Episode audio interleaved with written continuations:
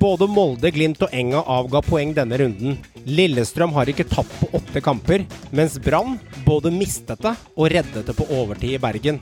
Og akkurat nå er de ikke sist i året til eliteserie. Dette hadde tenkt å være introen i dagens Synseliga-episode, men vi legger til dette, for for ti minutter siden så skjedde det en endring i vår kjære serie. Det holdt ikke for Brannstyret. 19.07 er ikke akkurat favorittdagen til Kåre Ingebrigtsen. I dag ble han sparket i Brann, og for nøyaktig tre år siden, 19.07.2018, ble han sparket i Rosenborg. Velkommen til en ny episode av Synseliga.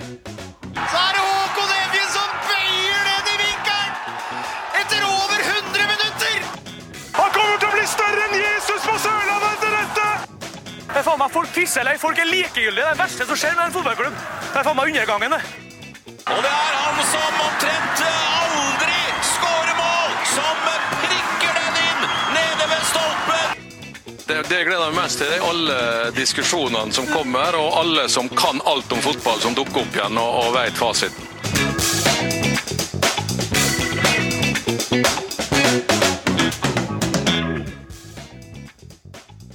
Ja, Meran.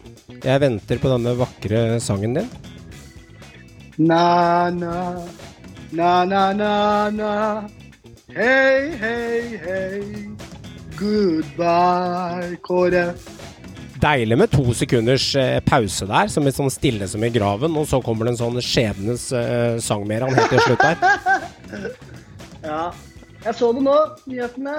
Ja. Det er eh, Altså, hva skal man si? Det var kanskje det riktige, men han kunne, kunne han holdt på lenger? Hadde han klart å snu det?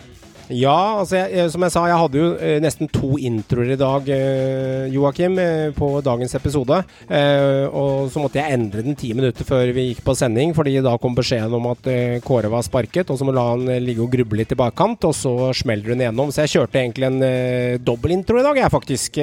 Hva syns du om den, Joakim? Den var fin, den. Men øh, det er jo vi må, Det må jo inn. Men øh, Nei, altså, jeg tror ikke det. Det var litt Vi var inne på dette forrige, forrige pod også. Det er øh, de, Jeg sa at de måtte ha planer om at han skulle være med dem ned i Obos og fortsette å satse på dem etterpå. Og det er helt åpenbart at de ikke hadde planer om det. Så jeg tror de tenker nå at Nei, skal de først rykke ned, så tror jeg de vil ønske å begynne å bygge laget nå eh, med en ny trener. Eh, og prøve å ruste opp og gjøre seg klar til eh, eventuelt Obos neste år. Det bør de gjøre, hvis de ikke er like blåøyde som de gjerne er oppe i Bergen her og tror at det aldri kan skje. Men eh, de må begynne å gjøre seg klar for det nå. Da tror jeg sparking av Kåre var det første de måtte gjøre. Det er, for det, det, det vil være lettere for en annen å dra de opp, tror jeg, enn Kåre Inge- Ingebrigtsen, dessverre. Ok, så langsikt, langsiktige trenere. ja. Mm, ja. Ja. Nei, jeg er enig i det. Jeg er enig i det, og han Nagel har, han har, en, han har en stor jobb nå. For ikke bare måtte han ut for å finne spillere, når må han finne en ny trener òg. Og så er jo spørsmålet blir det Horneland. Så syns jeg jo det også er litt rart, med tanke på han og Kåre har jo vært team. De har jo stått i den dritten her sammen. Og resultatet er fem seire på over 30 kamper. Så hvor delaktig er han i dette her? Det er et felles ansvar. Det er et felles ansvar, og, men øh, kanskje litt ja-nei-spørsmål. Men er det feigt å ikke fjerne Horneland der og bare gå for assistenten med han i runde to? Nei, jeg bare lurer på hva det vil hjelpe, egentlig. For hva ja. altså, med all respekt, han og Kåre jobba sammen. Eh, Mm. Det de har gjort på treningsfeltet i år, har de gjort sammen. Mm. Eh, Mannen på feltet er jo Horneland. Så Mm. hva er det han kan gjøre så ekstremt mye mer annerledes enn hva Kåre har gjort? Eller hva er, altså, når Kåre ikke klarte det, hva tilsier at Horneland skal klare det per nå? Mm, ja. Plutselig. Eh, Med det samme mannskapet. Det de trenger, er et nytt mannskap. Det er jo det, det vi har sagt hele veien, hele tiden. Mm. Mannskapet er skrøpelig. eh, Og de har ikke gjort noe med det før nå. Ja, for hvis du bryter dette her litt ned, da, så er det sånn Ja, øh, Kåre er jo Klart han er en bra fotballtrener, har gode meritter å vise til og har erfaring, men det at matchen kanskje ikke var så god her. da. Når du vinner en fem-seks kamper på par og 30 forsøk, Joakim, eh, så er det begredelig statistikk til å være en trener i norsk eliteserie. Eh, så eh, det måtte jo komme for en dag, og det er opplest og vedtatt. Og du har også sagt at nå må de gå for en langsiktig løsning hvis Obos blir riktig, men da kommer de inn på Hornland for å ta den, da. Han har jo brukt kunnskapen sin nå i vel et halvt år, eh, ti måneders tid sammen med Kåre eh, på feltet. Det er jo ikke sånn at hvis han tar over alene nå, ja det kan komme litt giv i gruppa, men det er jo ikke sånn at eh, han har holdt unna noen triks som ikke han har vist fram til eh, Kåre av kunnskapen sin. Så jeg, jeg veit ikke om det kanskje er riktig kortsiktig løsning, eller om de går, går for noe annet der, gutta. Nei, jeg, jeg kan ikke skjønne at, uh, at å velge Hornland til å ta over rollen uh, skal være til noe hjelp, sånn som mer han har vært inne på. Ok. Eh, disse har jobba som et team. Han ble henta for å være, utfylle Kåre Ingebrigtsen på en måte, øh, de to sammen. Mm.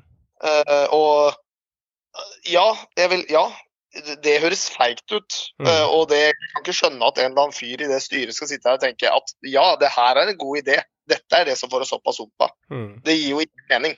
Mm. Eh, Så jeg skjønner egentlig ikke at Hornland fremdeles er der, annet hvis ikke det ligger noe sånn, det, noe sånn at de er redd for noe sånn Rosenborg eh, Rosenborg-problemer. Ja, Eh, fort det. Han kan liksom ikke bare sparke en assistenttrener like lett som en trener, for han har ikke det øverste sportlige ansvaret. ikke sant? Mm. Så du kan ikke bare gi ham fyken sånn helt uten videre. Mm. Så det er kanskje vanskelig å kvitte seg med Horneland enn Kåre Ingebrigtsen. Det er kanskje det jeg tenker da er årsaken til at han fremdeles er der. Da må de sjekke litt grundigere med han om han vil være med videre f.eks. som assistenttrener. da. Mm. Eh, det kan jo være en mulighet. Altså, Kåre hadde jo i hvert fall merittene, han hadde trofeene. Jeg sa det om Horneland før han ble Rosenborg-trener. Mannen har ikke vunnet noe annet enn en bronse. Og vi står her fremdeles mange år etterpå nå og sier mannen har ikke vunnet noe annet enn bronse. Eh, og han ble jo assistent. Han valgte å gå tilbake til å bli en assistent. For han ville ha mer fokus på treningen og det du gjør i hverdagen. Eh, Jeg er ikke så sikker på om han er klar for å bli hovedtrener igjen. Men igjen så er det kanskje det som er poenget òg, da. Altså han, jeg tror kanskje man allerede har snakka med og han har gitt indikasjon på at han ønsker å fortsette å være assistenttrener for en ny Mm. trener. og det er klart ikke, altså han har jo han har jo litt erfaring, da, så hvis det kommer inn en litt yngre trener eh, som han kan spille på, så er det klart det er ikke, det er ikke sikkert at det er noe gærent å ha Hornland der Nei. som en på feltet og ha han der som en assistenttrener. Så det kan godt være en tanke at han allerede har gitt klarsignal at greit, jeg blir ikke hovedtrener, men jeg fortsetter som assistenttrener. Og så sier Brann at det er OK. Jeg skulle gjerne ha satt ordet til, over til uh, Håvard nå, Uh, og lytterne sitter sikkert og tenker hva tenker Håvard om uh, dagens situasjon, men Håvard er ikke med oss i dag i panelet, og jeg venter noen minutter med vilje å fortelle dere lytterne det, for han er rett og slett oppe i vårt vakre langstrakte land med familien og koser seg. Kjørte forbi en nydelig perle av et sted, Lærdal, Lærdalsøyra. Han kjørte forbi der i stad, ga han et tips om å kjøre innom sentrum der og kikke litt og se på bl.a. Lærdal hotell og hvor fint det var blitt med de små vakre husene der, og så var han på vei til Sogndal med ferja etterpå. Så han er på av gårde med familien på tur. Og det er jo litt, litt, det er litt sånn ironisk. Det er litt sånn Helland scoring mot Rosenborg for, med, med, med Lillestrøm på Åråsen, Meran. Og det er litt sånn ironisk at når Håvard endelig ikke er med, som er sikkert et år siden sist, så er Kåre sparka Ja. ti minutter før sending. Det er jo litt sånn herre Det må jo bare skje! Det er litt sånn helt sånn Det, Det er fantastisk. Jeg syns det, Det er litt fantastisk. Og det er også litt, eh, litt eh, tankevekker at det faktisk er tre år siden nøyaktig på dagen han ble sparka i Rosenborg. 19. juli. Midtsom, Ja. Midtsommers for Kåre, det er, eh, det er mareritt. Det er, det er dårlige tider. det er dårlige tider. Håper han får noen feriepenger med seg så han kan kose seg med familien, men for guds skyld, det er ikke Det er ikke Ja, det er ikke glede i sinnet hans akkurat nå, for å si det sånn. Han får sikkert noen eh, Det er så ferskt, det som akkurat har skjedd nå, at han eh, får sikkert noen eh, kommentarer på dette de nærmeste dagene. Vi skal tenke langsiktig. Har vi noen trenere vi tenker kan gå inn der? Bør Brann tenke langsiktig, som du sier? Er du standfast på det, Joakim? Eller bør de faktisk fighte for å prøve å holde denne plassen her? For det virker jo som styret har tatt action her for å holde plassen, siden de sparker en trener så hurtig nå en måned før neste kamp. Ja, men da jeg hva, hva skal de hente, da? Hva, hva slags trener er det som er en garantist, eller på en måte som eh, de må, hvis de skal, Da må de ha en ny trener, da må betaler betale et par millioner i året og bruke masse penger på for at de skal holde dem oppe.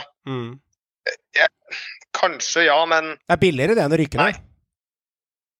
Ja, det, det, er jo, det er jo det, men det er bare billigere dersom de faktisk holder plassen. Uh, og da må de jo fremdeles gjøre noe med laget. Det har vi vært inne på flere ganger. Mm. Må, de må fremdeles lage, og det er også dyrt.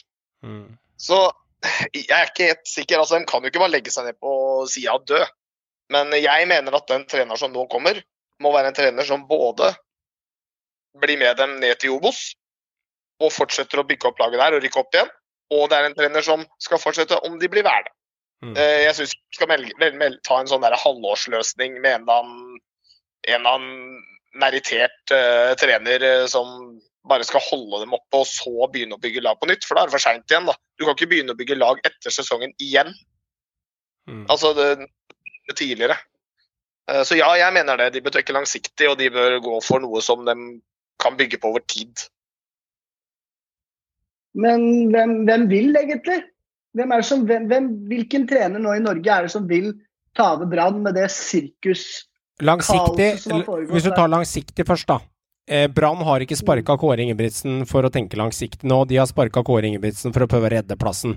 Jeg er enig med Joakim, bør tenke langsiktig. En som skal være med opp og ned og danse, og styre klubben og ikke være ferdig eh, 19.07 neste år.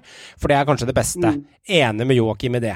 Men signalet de sender her, er jo helt klart at når du sparker en trener dagen etter 1-1-kampen mot uh, Mjøndalen, så er de gira på å finne en trener ganske fort som kan snu noe i garderoben, eller snu noe mentalt hos spillerne.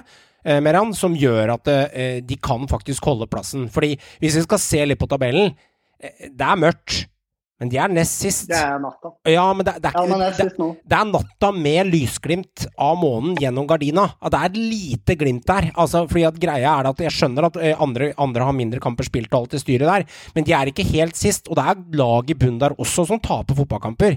Stabæk vinner ikke akkurat mye om dagen, jo. Så det er mulig å ansette en kortsiktig trener og klare det. Men da kan vi bevege oss inn på det. Hvis vi prøver den kortsiktige delen først, hvem skal det bli? Blir det Holand, så har jeg sånn halvveis trua. Får de inn en stemme utenfra? så har jeg trua faktisk på at det er mulig, men da bør vi få en annen stemme. Men da er spørsmålet hvem det blir. Det var vel det spørsmålet litt mer. Ja. Mm. Ja, og det Ja. Ja, det, du har jo en med guts og pondus, og en som eh, virkelig kan faget fotball, da, og virkelig er en type som har vært i sånne situasjoner før, og er mentalt sterk. Han er faktisk eh, ekstremt dyktig på det, og du har jo Tom Nordli, og eh, Tom som er en del av panelet vårt. Om det er rettferdig eller urettferdig å nevne han, siden han stadig vekk er med i Synseligaens episoder, og Tom er dyktig sånn, så er det sånn Han har jo noe med seg som kan skape resultater i det laget her. Og er det en som kanskje er dekka for, eh, for bordet i Bergen og tåler det trøkket der, så kan det være Tom, eh, Joakim. Ja, det er jeg enig i. Hvis de er mm, på en måte hvis, hvis det er den tingen de nå tenker og skal kjøre på for ene og alene og redde laget uh, siste del av sesongen, uh, så er det en god løsning. Uh, jeg tror ikke det er en langsiktig løsning. Ja, eh, årsak til det. Årsak til ikke langsiktig. Han kan jo styre den i Obos hvis vi skal gå ned, for oppgaven er formidabel. Så la oss si han mislykkes, da. Og så må han fighte med Brann neste år i Obos. Altså han, det, han Kan han lykkes med det òg? Han kan det, men jeg har mer tro på den retningen som flere lag har gjort den siste tiden, og som Stabæk nå sist gjorde. Jeg har mer tro på at du skal gå for noe ungt og noe friskt. eh, og noe som på en måte ikke nødvendigvis har den pondusen og har det der som trengs der når du skal prøve å bygge opp laget fra bånn. De ser ting annerledes. Det er noe i det. Eh, det er ikke, det er, dette er ikke noe som har skyld, skyldt over europeisk fotball de siste årene bare på pur flaks. Eh, det er annerledes, og det snakker disse unge trenerne om også. At det er, de bruker andre metoder enn de etablerte. Eh, de er mer hands on med både teknologi og mye altså andre måter å jobbe på med spillerne. Eh, og jeg tror at det er for mange lag veien videre. Og jeg tror at for Brann så ville det vært det beste å gå for. Hvis de ønsker en kort, litt mer langsiktig løsning, så tror jeg det er beste, det beste å gå for. Men, men på, på ingen måte så underskyter jeg ikke poenget ditt. Altså, det, er vel, det er vel ikke en eneste trener i hele Norge som har vært i flere sånne liksituasjoner, ja, med unntak av Vegard Hansen. da. Ja. Nå er det vel få trenere som har vært i den situasjonen oftere, nesten. Så jeg, jeg ser poenget. Se poenget. Det gjør jeg. Men ja, litt interessant ting. Eh, Jeg, jeg har gjort en øvelse, gutter, siden sist gang, eh, sist gang eh, vi hadde pod. Da snakket vi om dette her med Eirik Skjøne, vi snakket om unge trenere, vi snakket om treneren i München, og vi snakket om litt Jeg tok ut en statistikk, eh, og det er en statistikk jeg har mekka sjøl.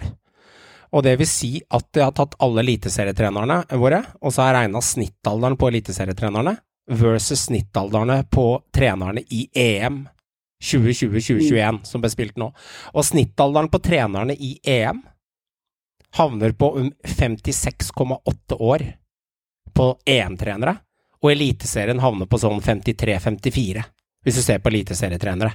Det her er også et ganske høyt snitt, i bunn og grunn. Så det med unge trenere versus eldre trenere, det er jo en grunn til at disse med mye pondus og mye eh, eh, kvalitet i, i, i bagasjen eh, trener også lag. Da, Joakim, for jeg har hørt at du har vært litt forkjemper at det her med det er en ny trend, men det viser jo at det, det er noen Altså det er mer eh, unntak som bekrefter regelen, for det er ikke fryktelig mange av de unge trenerne i enten EM eller Eliteserien generelt. Det kan hende jeg har regna feil, men jeg tror jeg har regna ganske spot on, altså. Ja, nå skal jeg først skyte inn at nå valgte jo du det sammenligningsgrunnlaget hvor det er flest gamle trenere i hele fotballen. Fordi landslagsfotball er der gamle trenere går for å gjøre sitt siste bravo før de dør. Ja, ok, Altså, men, ja, men jeg, jeg, jeg, tok, ja, men jeg tok ut også der hvor det vi, det vi har sittet og sett på TV-en hele tida. Ja, ja. Nei, men vi, vi var snakket om dette forrige gang. Det er ikke det at, altså jeg sier ikke det, altså det finnes nok av 60-åringer, 70-åringer som trener gode lag uh, i fotball. Uh, men det er ikke de som på en måte gjerne trener de litt sånn lagene som på en måte blir litt mer framadstormende. Og mange av dem har begynt i ganske ung, alder i de lagene. Okay. Så skal jeg nevne eh, folk, sånn som forrige han heter Guardiola. Han holder på. Ja, men han begynte som par og 30-åring, liksom Ja, jeg jeg altså, skjønner. ung. Uh, og det er litt Altså, det, det er ikke det. Altså, du må ikke misforstå meg at det er ikke sånn at eh, trenere er, eh, bør slutte i jobben. Det er ikke sånn pensjonistalder vi skal sette på 62 år. Jeg skjønner sånn, er skjønner at det ikke du skal ha fram at de er fossiler. Jeg skjønner bildet. Jeg, skjønner ja. greia. Men jeg er bare sånn at han som leder Eliteserien er 50. Eh, Rekdal er også gått godt opp i den alderen der, som leder Obos-ligaen. Eh, De gutta som dro det langt i EM-sluttspillet, de er mellom 63 til 68. Eh, og så at jeg, jeg bare liksom, summerer litt opp her da, og ser litt sånn det er Klart du har Mikkelsen annet i KBK, han er nede på 45-tallet. Du har noen der. Eh, og så har du eh, juniorgutten i Stabæk, eh, Eirik Sjønes. forresten gjorde et kjempefint intervju etter godsekampen, som, eh, som faktisk snakka ganske bra for seg. Det var fint intervju han gjorde. Han er 30, det er ungt, liksom. Men det du vil ha frem, Joakim, at det er en ny trend, og at man har lyst til å utvikle disse trenerne fra tidlig stadium, så de kan få mye ut av dem i, ung alder og opp til erfaren alder. Er det det som er poenget med unge trenere? Altså, Poenget er veldig enkelt. da. Dette er jo ikke noe hemmelighet. Man lærer lettere når man er ung. Altså, Jo eldre du blir, jo vanskeligere har du for å omstille deg, og okay. vanskeligere har du for å lære nye ting. Okay. Altså, det, Dette gjelder alle deler av verden. Du kan være så kunnskapsrik du bare vil, men det er tyngre.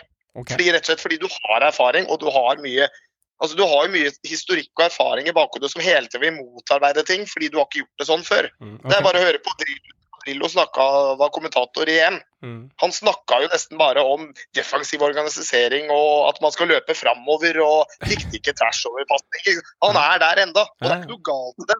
Men man klarer liksom ikke å se den andre veien i særlig grad. da. Mm, Og det skinner litt når du på en måte kommer dit. Og det er ingen som skal ta fra Drillo-kompetansen. Nei, nei, jeg skjønner den. Jeg skjønner. Jeg bare, jeg bare stussa litt over det, for at, eh, ikke sant, det blir jo litt sånn øh, eh, Det blir litt sånn synsing om det på en måte hva som er den beste eller ikke. Vi vet jo ikke det helt, men jeg ser liksom hva faktisk lagene i EM eller lagene i Eliteserien velger, da.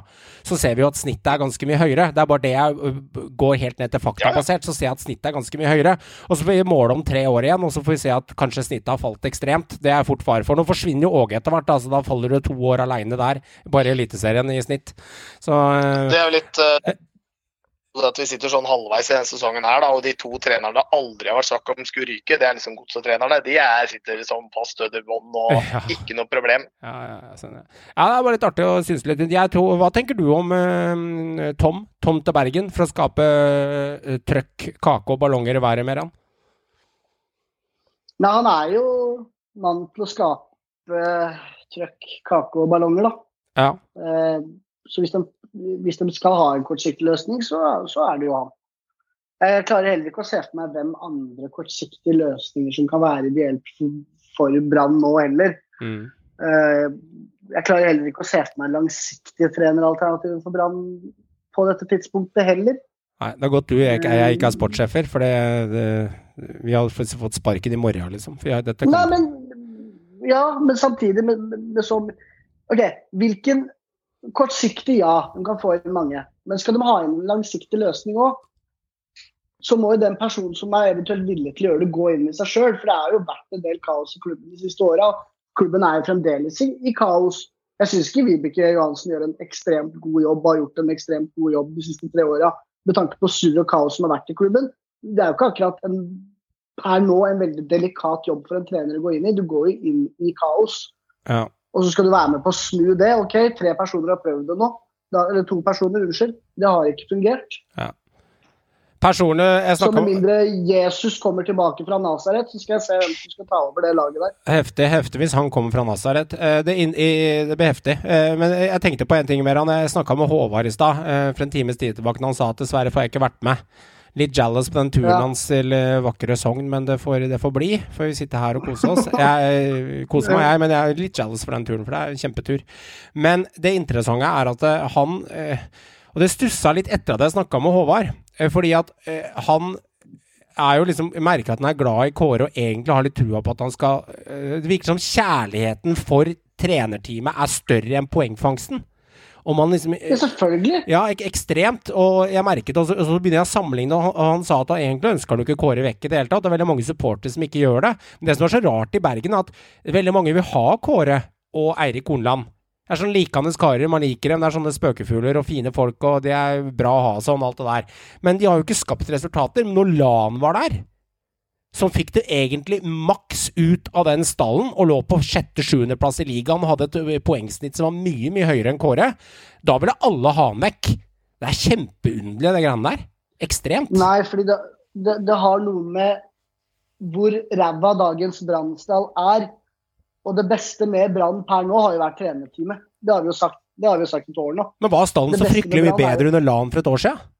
Ja, jeg syns det. Ja, litt bedre kanskje, men ikke Ja. enormt. Du hadde jo forsvarskongene, du hadde Vito Wormgård, du hadde de gutta der. Ja. Vito var borte da. De ble borte helt på slutt. Ja, men de, var, de ble borte helt på slutten. Lan hadde jo til enhver tid bedre lag enn hva Kåre hadde. han hadde litt bedre. Kåre har vært sant. med på å renske driten nå. Ja, jeg skjønner det. Ja, Så glemmer dere en viktig ting, da. Dette har vi også vært innom før. ok. En viktig ting. Bergensere tåler ikke å bli litt gode. De tåler jo ikke at Brann blir litt gode, for det var det som var problemet når Lan var der. Med en gang de begynner å havne opp på øvre del av tabellen, så tror bergensere automatisk at nå er det medaljekamp om seks måneder. Det skjer hver gang de begynner å gjøre det godt. Det var samme under Lan. Oppover og åttende og syvendeplass. Og, og da begynte de å snakke om gull neste år. Altså Da er bergensere der i hodet. Mm. Og det tror jeg Brann-styret også er, for det er bergensere. Wow. Så det er det samme. ikke sant? De tåler ikke å bli litt gode, for da skal de bli Norges beste. Mens nå nå er det dårlig, nå er de ræva. Og da er liksom så, da kan vi bare klage på at de er ræva, da.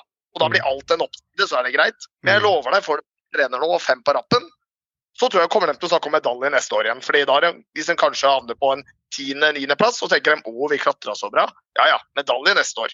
Så de tåler ikke å bli litt gode. Ja. Det tror jeg. det.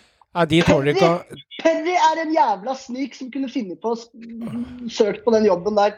Det, oh, det tror jeg ikke jeg vil. Jeg eh, personlig så mener jeg burde søren meg ta Tom Nordli. Eh, han har enorm erfaring. Han har eh, eh, han har pondus, ikke sånn pondus visuelt, men uh, mentalt i hodet og sportslig. Og han har uh, ekstremt mye kunnskap. Han skaper trøkk. Hadde jeg vært Brann-supporter, hadde jeg elsket det. Å få inn en type som, uh, som smalt litt i, i flasker og styr og lagde litt liv og helvete og fortalte hvor skapet sto. Ja, de trenger det, og det kan godt hende han hadde raska med seg en tre-fire seire på rappen, og vips, så er du oppe på en sjuende- og det er ikke usannsynlig at han hadde klart det heller. Han har, han har trylla mye før. Husk på det startlaget han hadde, jeg veit det er eh, 15 år siden, liksom, men eh, han leverte jo eh, Altså Marius, Marius på bekken der, venstrebekken, han, han, mm. han var jo toppskårer i klubben. og Da skåra jo fra alle hold og var dø dødelig på frispark og innkast og eh, overgangsspill, og de var gode, liksom. Og det var et lag som nesten var avskilta året før.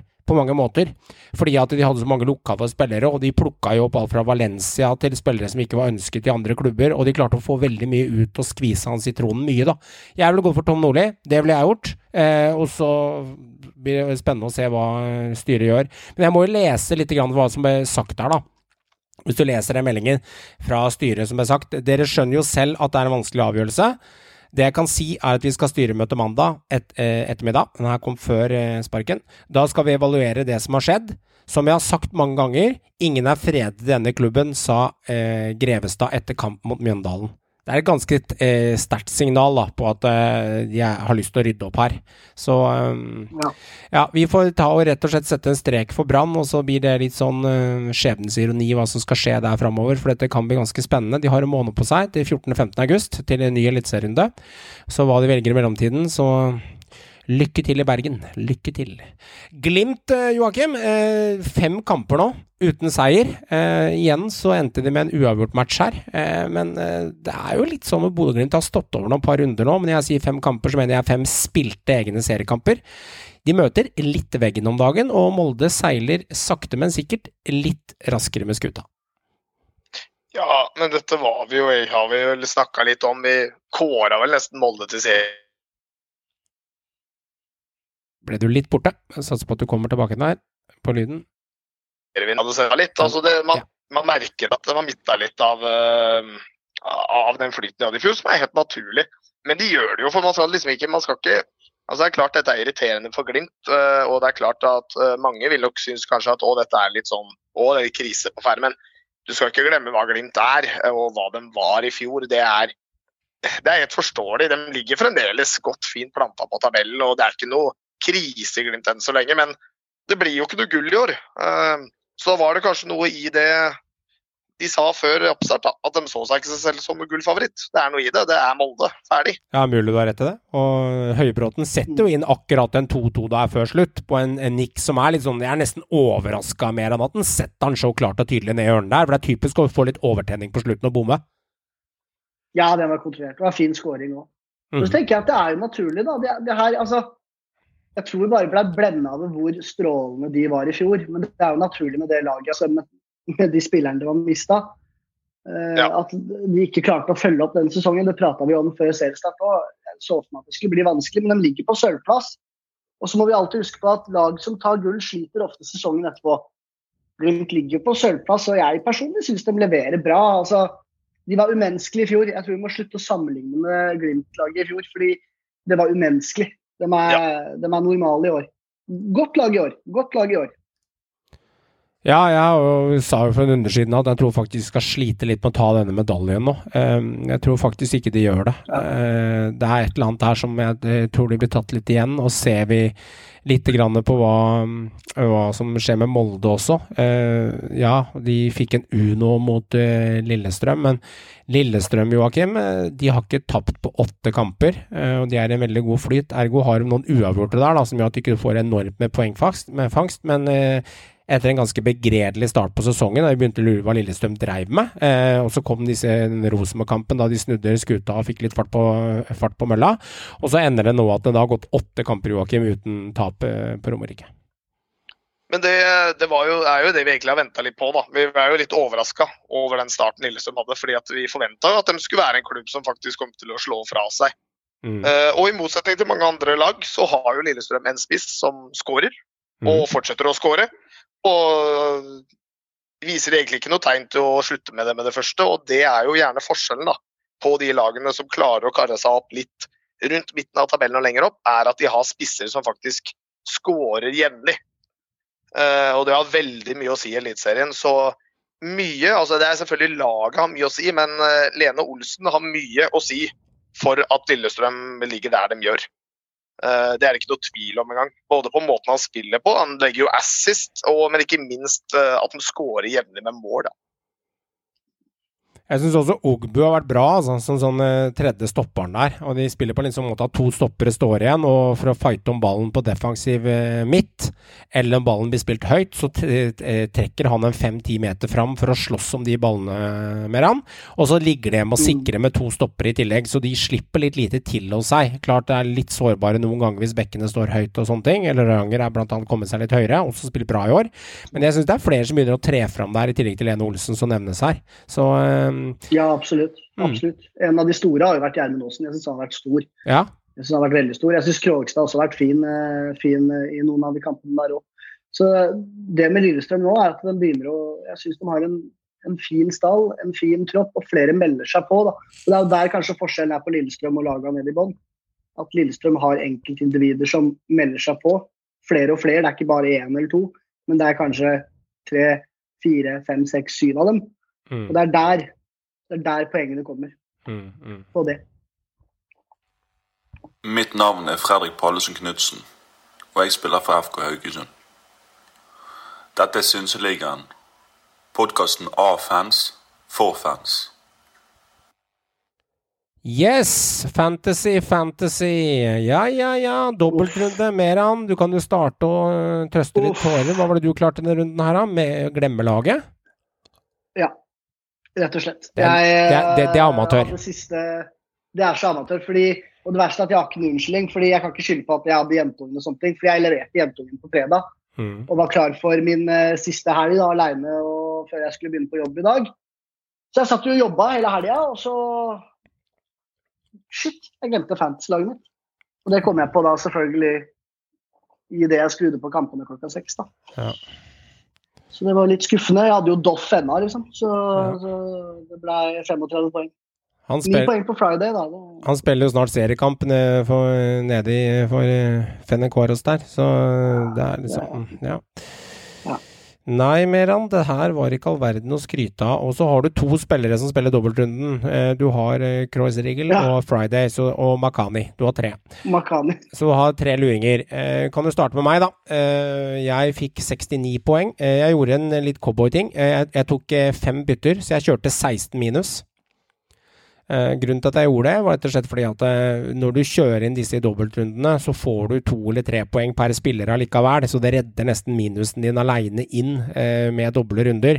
Så jeg syns det var verdt å gjøre det, og så veit du aldri plutselig om spillerne scorer eller får en assist eller clean sheet eller et eller annet, så du kan akkurat vinne på det eller akkurat tape på det, men er det en av dem som lykkes i løpet av de to rundene med, med, med noe krumspring, så, så vil jeg hente inn de 16 poengene ganske lett.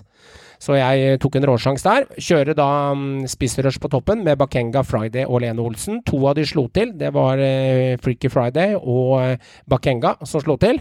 Eh, og Lene Olsen slo ikke til. Men det kan han fort gjøre neste runde. Så Jergo, det Jeg tenker at eh, Eller neste runde, jeg mener allerede til onsdag mot eh, Stabæk, eh, som er eh, hengekampene med han.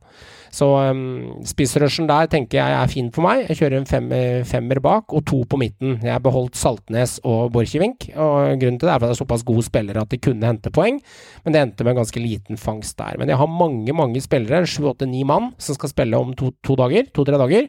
Så du kommer til å bli satt skikkelig på plass med han hvis noen av de lykkes, og da får jeg eh, et eh, seilskip foran meg. En som kommer seg litt her, og det er deg, Joakim. 66 poeng. Tar igjen Meran ganske kraftig, henter eh, over 30 poeng på Meran, og i tillegg så har du en sju-åtte mann som spiller om to dager. Kommenter gjerne laget ditt. Ja, jeg gjorde jo litt det samme som deg. Nå har ikke jeg bytta ut like mange, men jeg tror jeg gikk inn for fire minuspoeng. Okay. Jeg hadde to bytter jeg kunne gjøre, og så tok jeg inn én til. Mm. Eh, Så det var jo av samme prinsipp, da, flest mulig mennesker som kunne spille um, dobbeltkamper. Mm. Um, og enn så lenge så har det gjort uh, nytta si. Så prøvde jeg meg på en litt sånn der eh, frekk kaptein igjen, og det funka ikke forrige gang. Men denne runda så ser det ut til å fungere bra. Denne runda ser det ut som at uh, kapteinen min leverer. Han har jo levert allerede, så det var jeg veldig fornøyd med. Um, men jeg har god tro. Jeg tror jeg kommer til å havne på en god, en decent poengsum til slutt. Det tror jeg. Jeg tror det. Eh, Jeg hadde jo Desler, og han eh, var jo litt skada før eh, dobbeltrunden her. Og nå er han solgt. Vi skal snakke litt om han etterpå, så jeg mister jo han i den rekka der. Og Bakenga på spissskjørsen min, Joakim, er litt usikker om starter om to dager pga. låret han fikk en smell i. Så det kan hende at jeg ryker på Bakenga med spissrush, men klart han har allerede henta 26 poeng, da. Så jeg skal jo ikke gråte på bussen av det. Han har jo levert, han. Men eh, jeg ser at du kommer til å gjøre det bra. Jeg er spenstig av deg, og det er litt imponerende, for du er jo opptatt av å spille med Ikke sant. Én ting er jo på en måte å gjøre det, en annen ting er jo å snakke om det. Men du har jo sagt at du alltid vil ha godsespiller inne, men nå kjøre HV med captain. Keeper skjønner jeg, for det er såpass billig, og så kjøre Stenevik når det er så mange andre spillere. Da spiller du mye med hjertet, men du lykkes jo også, da. Ja, men det er jo klart, altså man skal alltid ha én, men det er klart sånn som HV og eh, Myra, dem hadde jeg på laget fra før. Eh, og det var jo uansett altså det er selvklart i de to kampene vi har nå, to hjemmekamper mot overkommelig motstand. Mm. Uh, da uh, Myra får som regel godt med poeng selv når han slipper inn mål, fordi han er, han er stabil og gjør mye redninger. Mm. Eh, nå fikk han i tillegg en veldig enkel strafferedning å hanskes med, og det er klart da renner jo poengene inn. da. Ja. Eh, Så det var greit. Eh, Kaptein var jeg litt usikker på, men eh, ja, det ser ut som jeg valgte riktig. Jeg kunne ikke valgt noe bedre enn så lenge på laget mitt. Så den traff jeg på nå. Veldig. Du er sju poeng bak Meran, da. Eh, Dere er eh, Meran er sju poeng eh, foran deg, og jeg er da 50 poeng foran Meran igjen. Men det kommer til å bli betraktelig mye mer Meran, så det er Joakim jeg egentlig må passe på for her. Så har vi Song-gutten Håvard som er på ferie nå. Eh, han havna på 30 poeng, 654. Han ryker ned til 141.-plass. Det begynner å bli seigt for Sagmoen her nå. Han har en god del spillere som skal spille i runden som kommer, men det er eh, Wembangomo på Sandefjord, det er Ovenstad. Nordmann Hansen står ute med smell og kommer ikke til å spille. Han har Ruud Tveter og Lene Olsen, så han har en fire-fem mann. Eh, summerer du opp det mot det jeg og Joakim har om to dager, så er det ikke i nærheten av samme arsenal han kan selge på banen. Eh, for han har- én captain der og ikke et spissrush i bordet. Så det er, det, er, det er noen par ting der som gjør at det blinker litt alarm for Håvard. Men det eneste som er liksom varsko, da, at han har noen, eh, han har noen eh, chips å bruke. Og det er helt klart en stor fordel. Din tanke framover, Meran. Eh, hva skal du gjøre? Ta det siste ordet hos deg på Fantasy på, for å holde de gutta bak deg. Eh, og prøve å seile litt inn på eh, Krog i front. Jeg stresser ikke. Neste runde så skal jeg ha fokus på å få et bra lag. Jeg har alle tre chips fremdeles, så Nei. Jeg kommer sakte, men sikkert. Ja, Herlig. Er, vi kan jo snakke om eh, Vala med Henrik Hansen. Han holder unna, han. Uh, herregud, det er helt sinnssvakt. Han har jo 50, ja, 65 poeng eller noe, han. Til nummer to på lista. Altså, du skulle nesten tro at han har ja, altså, Han er nummer én med 916 poeng, Henrik Hansen med laget Vala. Og nummer to har 858. Så det er de 60 poengene han har, over 60 poeng. Tar du 60 poeng fra nummer to og nedover, så er jo det 30 plasser. Eh, han aleine har det å gå på nummer to. Så det virker som han har eh, slått ned en sånn der typisk sheet code, Joakim, som han gjør i sånne gamle gamingspill, vet du, på, på Commandore 64. Og så har han, wild, wild, uh, så har han wildcard hver uke. Det er, for det er ganske Ja. sinnssvake tall. Det hadde jo må få den flyten, da. Det var jo, jeg og Håvard hadde jo den flyten i hele fjor. Ja. Da, I hvert fall store deler av fjor. og Når du får den flyten hvor liksom du bare treffer runde inn og runde ut, og du får liksom de spillerne som leverer et par runder på rad, da, så, så går jo ting mye enklere. og den, Der har ikke jeg vært ennå i år. Nei. Så jeg venter litt på å få den sonen der, hvor jeg kan spise meg opp litt. Ja, ja, men det kan hende du fort kommer dit òg, da. Ja, ja, det kan skje plutselig, men det er klart. Å ta igjen førsteplassen nå, det virker ganske umulig, faktisk. Det, å tro jeg skal vinne dette her, det begynner å bli ganske Nei, det, det tror jeg faktisk blir for tungt. Ja. Det er for langt opp. Jeg er enig. Jeg ser den, den kan vi gjøre. Vi, gir nok opp den. Det viktigste som er å vinne internligaen mellom oss, det er viktig. Det er avgjørende. Angående dette flyt, ja. En spiller som uh, skårer to mål og noen ganger ser ut som et eh, monster på banen. Meran Waji, det er to skåringer mot Enga. Men eh, han er usta, han er jo ustabil, da. Altså, eh, han hadde jo en Ikke bare han, men hele Haugesund òg. Altså, Han hadde jo en lignende scoring for en runde siden, da han buldra seg gjennom eh, Forsvaret. Jeg mente det var med Brann, ja, da han fikk det tåa på han der når Blomberg glapp der og fikk tuppa han igjennom. Og det samme hadde han husker jeg mot. Mjøndalen i fjor, da han skåra tre skåringer. Det så ut som sånn lokomotiv som bare løpte over hele Det er litt som å se filmen Forest Gump. Da han fikk beskjed om å bare løpe til treneren sa stopp. Det er litt som med en Han, han er det, men han er ustabil. For det kan plutselig nå kan det gå seks runder, og så rører han ikke et målpoeng på seks runder, og så er det tre skåringer igjen. Det er litt Waji er litt der, altså. Ja, enig. Enig. Han er ikke stabil nok. Han er veldig ustabil, faktisk. Så eh, Haugesund har og det er jo ikke bare nå, sånn har han alltid vært. Haugesund har alltid slitt med det. At han klarer ikke å få det løst i, i hver eneste kamp. Det er ofte enkeltkamper hvor han kan prege en kamp. Mm. Men der ser du hvor avhengig av Haugesund er av hele kollektivet. da. Mm. Så Men ja, jeg blir ikke klok på Waji. For det ene, ene øyeblikket så er han magisk. Eh, en bulldoser, en tanks på topp. Andre øyeblikket så ser du ikke i det hele tatt. Han er helt ute av kampen. Så det er veldig rart. Mm. Men det samsvarer litt med Haugesund òg. Du blir ikke klok på Haugesund heller. Nei, kan dominere en kamp og bli grunnspilt kampen etter, og så plutselig så er de oppe og banker enga 3-1, og så er det god Ja. stemning igjen. Altså Det er jo et Tatt veldig sånn Mjøndalen eh, 3-0, Ja. og så slår du enga rett etterpå. Altså, det er jo et lag som er, også er litt sånn derre hipp som haps. Det gjelder jo egentlig hele det laget. Enten har de dagen, eller så har de ikke dagen. Men en spiller som leverer ganske jevnt der, da. Altså Velde, det er to nye assist igjen. Altså Ser du også fantasy poengmessig, så måler bare mye målpoeng, da, selv om han ikke måler om han jobber godt defensivt eller kreativ eller mye han skaper, for det måler jo bare målpoeng. Han er ganske jevn hele veien, Velde. Han er, han er ganske viktig for dette laget her, for det er stadig vekk målpoeng å, å hente fra Kristoffer Velde, altså Joakim. Men det har han jo vært flere sesonger nå. Altså Mm. Velde er jo en ekstremt god fotballspiller. Eh, Og han er jo den der, han var I hele fjor òg, så var jo han den fleren i Haugesund. Det, liksom, det er ikke så veldig mange spillere i Haugesund du liksom føler har den fleren og gjør det, liksom, gjør liksom det litt spektakulære og voldsomt. Men det er mye sånn litt sånn trause, eh, rett på-spillere som spiller ganske safe. Litt sånn rolig, chill fotball. Og så har du han som ja, skaper litt ry eh, rydding, løper litt rare ting, gjør litt ting for seg selv. Kan plutselig dra av tre mann og spille en lissepasning gjennom. Eh, så de trenger jo en sånn spiller. Eh, og han har vært god lenge, og han, eh, er, han tror jeg er veldig viktig for det Haugesund-laget. Det er det ikke noe tvil om engang. Mm, mm. Tromsø, altså De sliter enormt på hjemmebane. Eh, hvis jeg observerer riktig, så har de ikke en hjemmeseier i hele år, hvis jeg ser korrekt her. Og de var jo ikke Eliteserien eh, på samme nivå i fjor der. Og jeg, jeg syns jeg hørte et par år siden sist, ja, siden vi snakker om, eh, snakker om en hjemmeseier i eliteserienivå. Eh, og Rosenborg tar med seg en 1-3-seier. Men eh, RBK skaper tre sjanser. Vi kan si to og en halv, for et langskudd fra 19 meter er ikke en reelt 100 på det, en stor sjanse. Og skårer søren meg tre skåringer, altså.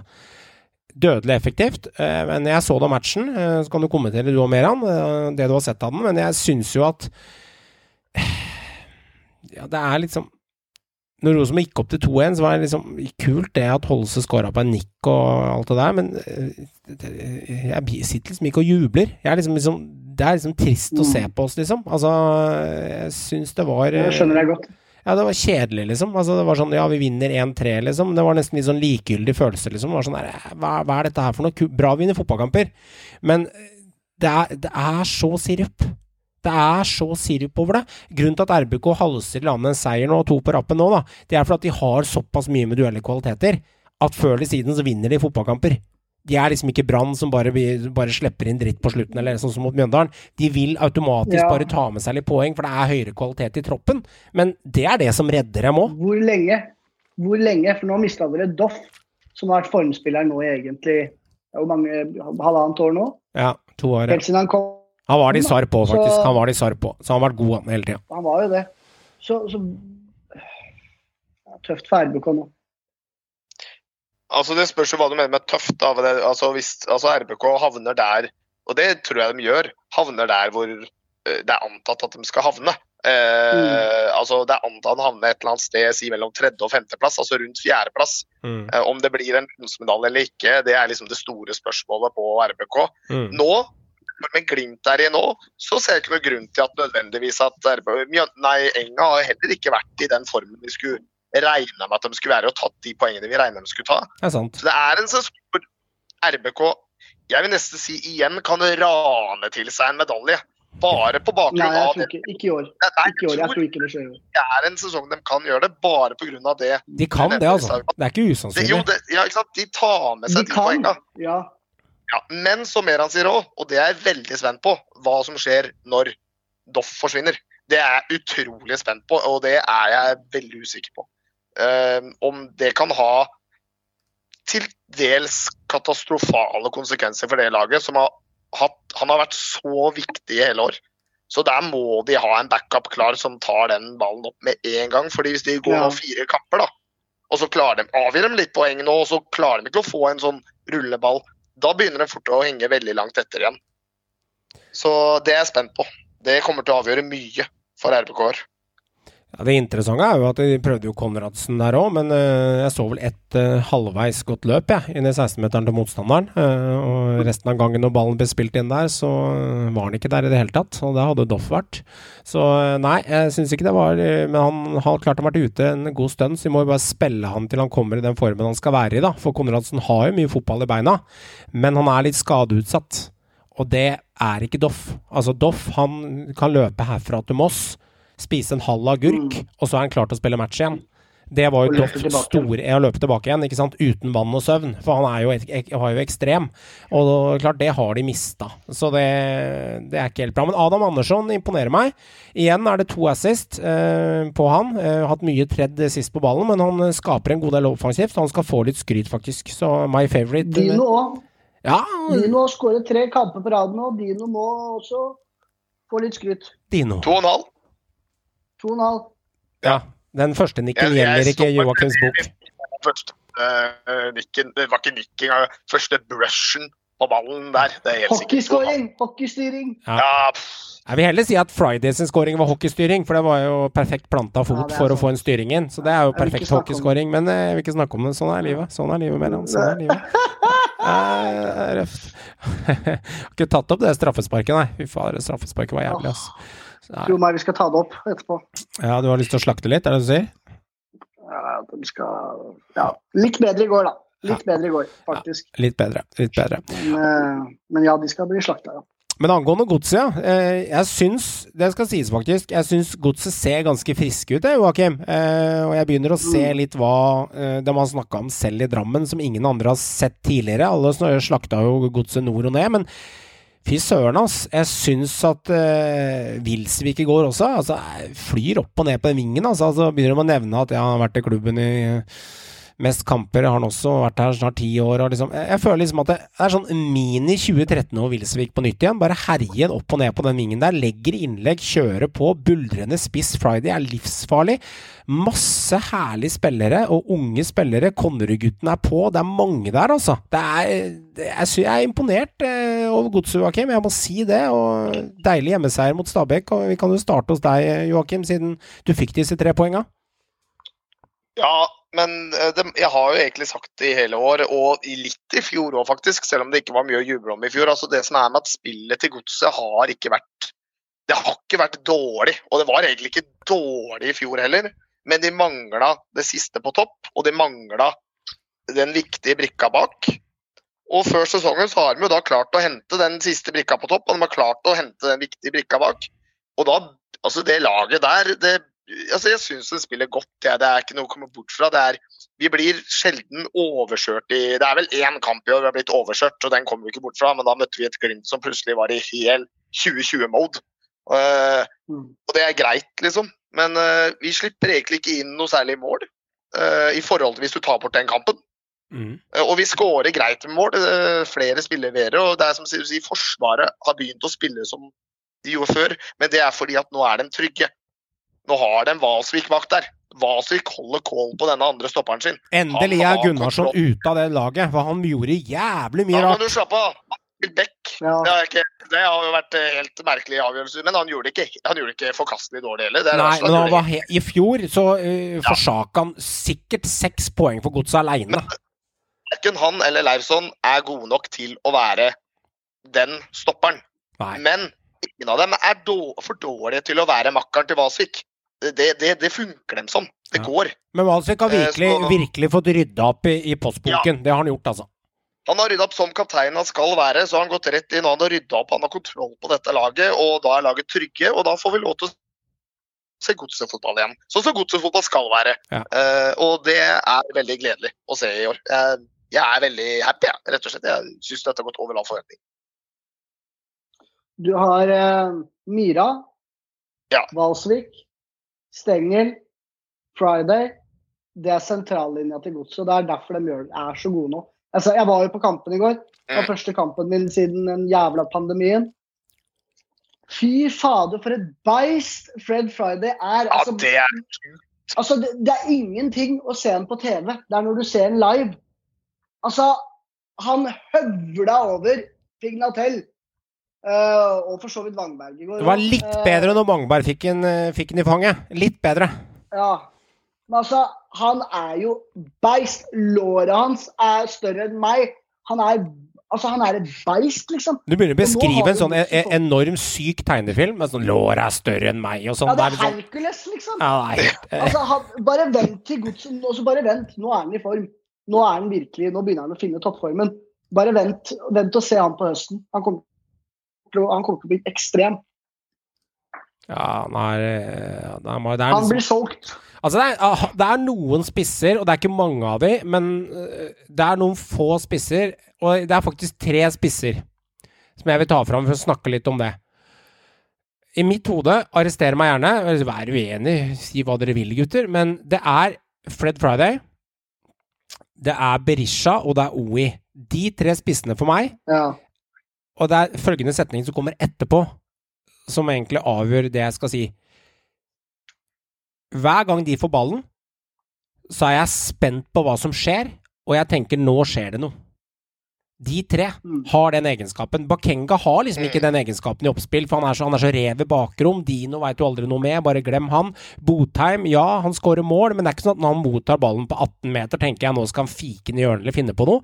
Men når Friday får den, når OI får den, eller når Berisha får den, så tenker jeg nå er det problems. Ordet problems for meg, hvis jeg er Rosenborg-fan da, og de spiller mot mitt lag, det dukker opp i mitt hode, Joakim. Ja, men det er jo fordi de er jo alle de tre da er jo arbeidende spisser. Altså det er ikke, det er ikke en, De er ikke noe sånn target-mann-spiss. Eh, De står ikke og venter på at noen skal gjøre jobben for dem. Eh, Ja, de prikker inn en skåring i ny når de får eh, ballen akkurat den skal være, men de jobber for alle måla sine, og de jobber for laget. Og da må du jo være godt trent og ha lår på størrelse med Meran når du skal gjøre det i 90 minutter i 15 kamper i strekk. Altså, da må du jo være lagd for det, og det er Friday. og Jeg syns det er litt gøy Men øh, liksom før sesongen da, å høre på liksom alt, alt dette ble snakk om øh, om øh, hvor dårlig trent han måtte være som ikke hadde gjort det og det og det og det. og Det og det og det. Det er så deilig at han klarte å motbevise det til de grader. Han trengte Mm. litt tid på å komme i gang, det gjorde han. Men det var ikke mye mer enn preseason han trengte for å komme i gang. altså. Da var han plutselig i gang når Eliteserien begynte, så tok det ikke lang tid før han begynte å herje litt. Ja, første seriekamp mot Lillestrøm. Så må jeg også innrømme en ting, da. Det er jo en spiller for ikke så lenge siden hvor vi hadde et uh, halvt, uh, halvt, en halv eliteserie hvor du hadde en spiller som var råere, råere enn alle de tre, da, og sjukere enn alle de på akkurat det punktet der. Okay. Han uh, spiller europeisk toppfotball i dag, han. Og er en av verdens beste spisser. For det var litt det samme.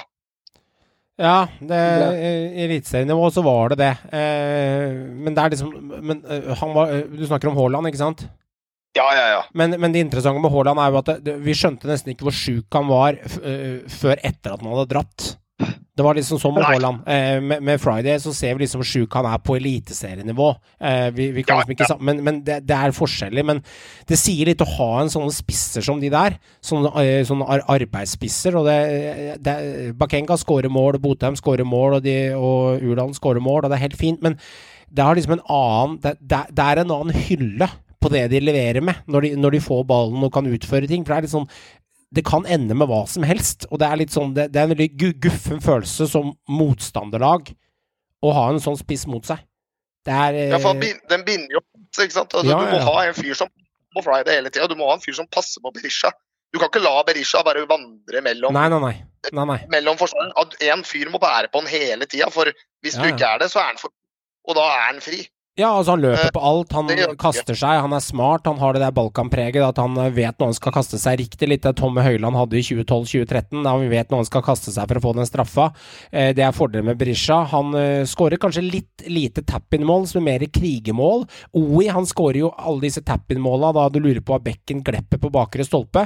Friday han skårer jo en eh, hockeystyring i går med han, der hvor eh, HV får et litt sleivete skudd inn der, som keeperen sannsynligvis hadde tatt. Og så er han framme med tåa som en rev og scorer på en sånn typisk OI-scoring.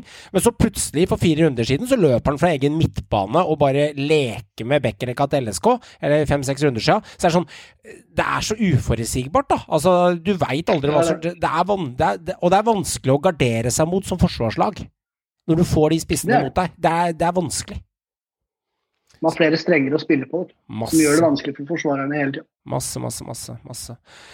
Ja, snakker om spillerne som forlatt oss, da, Meran. Eh, Stabæk har jo Altså, du nevnte Koblenko, stemmer det? Ja, Koblenko er allerede i Ukraina, fått barn. Så Men var ikke han på banen i går? Nei, Nei. var ikke i troppen engang. Nei, jeg begynte å lure, Det var Semi som fikk sine første minutter. Ja, ok. Ja. eh, over et år ut i Stabæk-karrieren sin. Hva tenker du om Kablenko og Kinoshita, som jeg også fikk med meg er ferdig i Stabæk? Din tanke rundt det? Nei, At Kinoshinta ferdig er ikke noe overraskelse. Eh, det var ikke noe overraskelse i det hele tatt. Koblenko heller ikke noe overraskelse. lånekontrakten går ut om ti dager likevel, så er det sånn OK, hvor stort tap er det? Han rakk å få to innhopp. Uh, nei, få dem ut. Start på nytt. Um, nå har vi Asemi. Dem er jeg usikker på om de skal signere Uche på nytt, for det er også på lån ut i juli. Mm. Så får vi se. Får vi se, Men uh, de må i hvert fall handle inn. Jeg tror det blir Oskar Aga inn. Uansett, nå som uh, Koblenko er ferdig og, og uh, Kinoshita, da. Det er i hvert fall bekrefta per nå. Mm. Resten, resten av overgangsvinduet til Stabæk, har du litt følere ute der? og sier uh, ryktene Nei, på de kontaktene ingenting. For vi har en sportssjef vi har en sportssjef som ikke snakker, vi har en sportssjef som ikke er i media. Vi en, vi har en sportssjef som ikke skaper engasjement på overgangsmarkedene lenger, sånn som vi hadde før. Så vi vet ingenting. Mm. Eh, når det kommer en ny spiller inn, så blir den presentert. Og da får vi bli kjent med nye spillere i Stabæk. Det er sånn det er nå. Vi venter til, eh, til eh, det kommer ut på stabakk.no, eller at Eurosport får greie på den. Hører en uh, det så snev av tone, ironi og uh, skuffet som supporter? Nei, det er altså skuffelse, ja. Jeg er skuffa som faen. Vi er en grå og trist klubb. Eh, vi, eh, overgangsvinduene var ofte eh, Kall det våre 15 minutter i, i glansen. I, I fame, ikke sant. Mm. Der var jo Inge, Inge André ekstrem. Ekstrem. Inviterte Eurosport inn på pizza og cola og sånt. Jeg vet ikke hva jeg er ikke sikker på om Jeg tror Bjarman og klokka slår fire, så drar han hjem. Mm. Mens uh, Inge André Olsen hadde sportssjef som en livsstil. Jeg tror det er der forskjellen er på en 8-4-jobb å faktisk være en sportssjef 24-7. For det er 24-7-jobb. Telefonen din skal brenne hele tida. Jeg er ikke sikker på om telefonen til Bjarman brenner i det hele tatt. Mm. Jeg tror han har nok strøm òg, jeg. Ja. Så, men jeg vil gjerne se noe engasjement. Jeg vil gjerne se at han gir supporterne noe. fordi han per nå, vi aner ikke hva vi får inn, vi aner ikke hva som skal ut før ting er bekrefta. Det høres ut som han sportssjefen dere har nå. Han gjør, gjør sikkert den jobben, vi ser jo ikke alt hva han gjør, men du høres ut som du beskriver en bibliotekar i kommunen, da. Ja, men han er jo en bibliotekar i kommunen. Det er jo sånn han har vært siden han kom. Ja, ok. Ja. Ja. Altså, han, han er jo ikke noe annerledes enn Eller jeg, jeg syns han faktisk hadde mer karisma i Lillestrøm. Jeg. Ja, mulig. Mulig. Jeg hørte rykter om at Inge André Olsen måtte bytte telefon annenhver måned fordi telefonen var brukt opp i taletid. Og det, var, eh, det, det er jo et tegn på at Han, han var på jobb. ja, han var på han jobb. var på jobb. Det er gjort en god jobb. Han hadde ikke det kontantkortet Joakim, fra, fra 90-tallet. Du fikk av mora di med å ringe for 150 kroner, vet du, som du fylte den ned på Narvesen. Altså, Med tanke på hvor mange han skulle ha kontakt med til enhver tid, både spillere og agenter og alt mulig som han eh, skulle snakke med daglig, så kunne ikke han hatt det. Da måtte han jo kjøpt sånn åtte kontantkort om dagen. da. Det hadde ikke latt seg gjøre. Husker du den? Vi hadde kontantkortet. At du kunne sende en melding. Jeg vet ikke, jeg husker det i hvert fall. Ja. Og så kunne du Ja, ja. se hvor mye, hvor mye Nå har de 121 kroner og 73 øre ja. igjen på kontantkortet. Og så kosta en SMS sånn i starten, ei 50, og så kosta det 99 øre, 69 øre, 79 øre. Og så når det ble gratis i sånn 2009-2011 eller noe, nå, så begynte vi å lure om Telenor hadde mista det helt. Når alle fikk gratis meldinger. Ja, de lurte oss. Men det verste er at De lurte oss ikke, de fikk oss bare Meran, de lurte oss ikke. Dette her er eh, aksjebørsens verden. De fikk oss avhengig av telefonen, så vi bruker mer penger på andre ting. Det er en markedsføringsstrategi. Ja, Jeg hadde det der kontantkortet Jeg, likte ikke å ringe, jeg var SMS-mann. Ja. Så jeg hadde den der 2000 SMS, husker du den? Ja. Du kunne sende 2000 SMS Ja, ja. Til 200 spenn, eller hva det var. Ja. klasse.